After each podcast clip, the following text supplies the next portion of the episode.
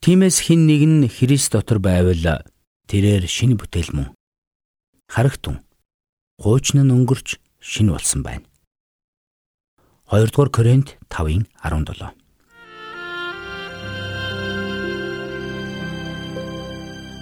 Мэргэний сонсог, мэдлэгийн тэлэг. Ухаалх нь мэрэгэн өдөртөмжийг мөн авах. Доктор Харалт цаалогийн мэрэгэн зөвлөмж нэвтрүүлэг.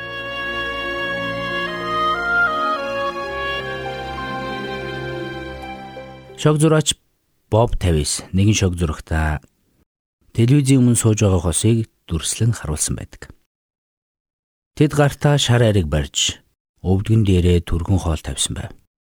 Харин зургийн талбай дээр дэлгэцэн дээр гарч байгаа бүхэн үнэн тул та бусдыг шүүмжлэхийн оронд өөрийнхөө стандартыг бууруулна уу гэж бичсэн байв. Энэ зургийг харж байхдаа би сүмийнхээ үйлчлэлийг орхисон нэгэн алдартай пастрын тухай сансан юм. Тэрээр нэр хүндтэй Библийн сургалт өгсөж 100 гаруй жилийн түүхтэй том чуулганыг удирдах байсан. Гэвч тэрээр ёс суртахууны алдаа гаргаж гэр бүлээч хүнд байдалд оруулаад өөрөө ч чуулганаа ичгүртэйгээр орхих болсон юм. Үнэхээр бид хүмүүсээс хэтэрхий ихийг шаарддаг гэж юу? Эсвэл бид шог зурагт зөвлөсөнчлөн өөрсдийнхөө стандартыг бууруулах хэрэгтэй? Үнэн дээр хүмүүс бид үеийн үед өөрсдийн гимт мөн чанар, сул дорой байдалтайгаа тэмцээр ирсэн. Гэсэн ч энэ тэмцэлдээ ялалт байгуулж чадаагүй нь өнөөдрийн бидний нийгмээс илэрхий харагдаж байна. Христэд итгэгч, итгэгч биш ялгаагүй.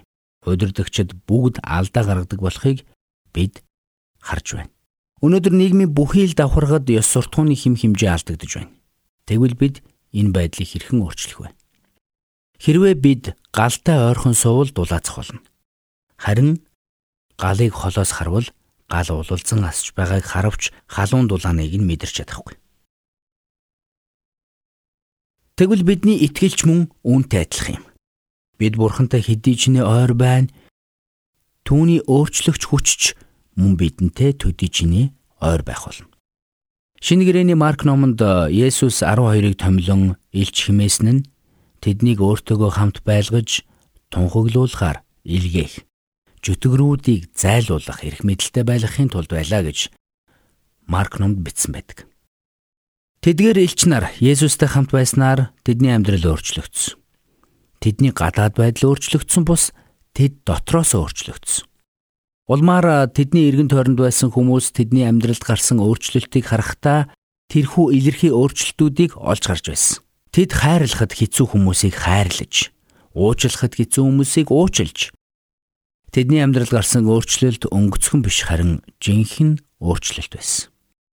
Тэдний зүрх сэтгэл өөрчлөгдсөн учраас тэдний амьдралын хэм маяг өөрчлөгдөж байсан. Тийм учраас Коринт загталтаа Илч Паул Тимээс хэн нэгэн нь Христ дотор байвал тэрээр шин бүтээл мөн.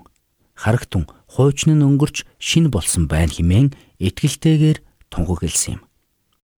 Өөрөөр хэлбэл Христэд итгэгчид бид Есүс Христтэй хэдий ч нэ ойр байн төдий ч нэ бидний амьдрал Есүс Христийг гэрчлэн харуулах болно. Харин түүнээс хол байвал бид түүнийг бодтойгоор гэрчлэн харуулж чадахгүй хүрэх болно. Тиймээс энэ нийгмийг өөрчлөх жинхэнэ шийдэл бол стандартаа доошлуулах бус харин бурхнаас ирэх тэрхүү сүнслэг шинжилтийг илүү ойроос мэдрэх явдал юм. Бид бурхны нэгүсэл болон бурханд итгэх итгэлээр дамжуулан Бурханаас гимн үглийн уучлалыг хүлээн авах учиртай. Энэхүү уучлал өршөөл нь бидэнд өөрөөр амьдрах хүчээг өгдөг юм аа.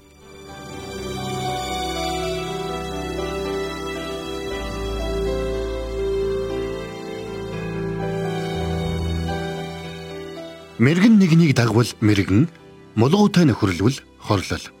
Доктор Харалт цаалогийн мэрэгэн зөвлөмж нэвтрүүлгийг танд хүргэлээ.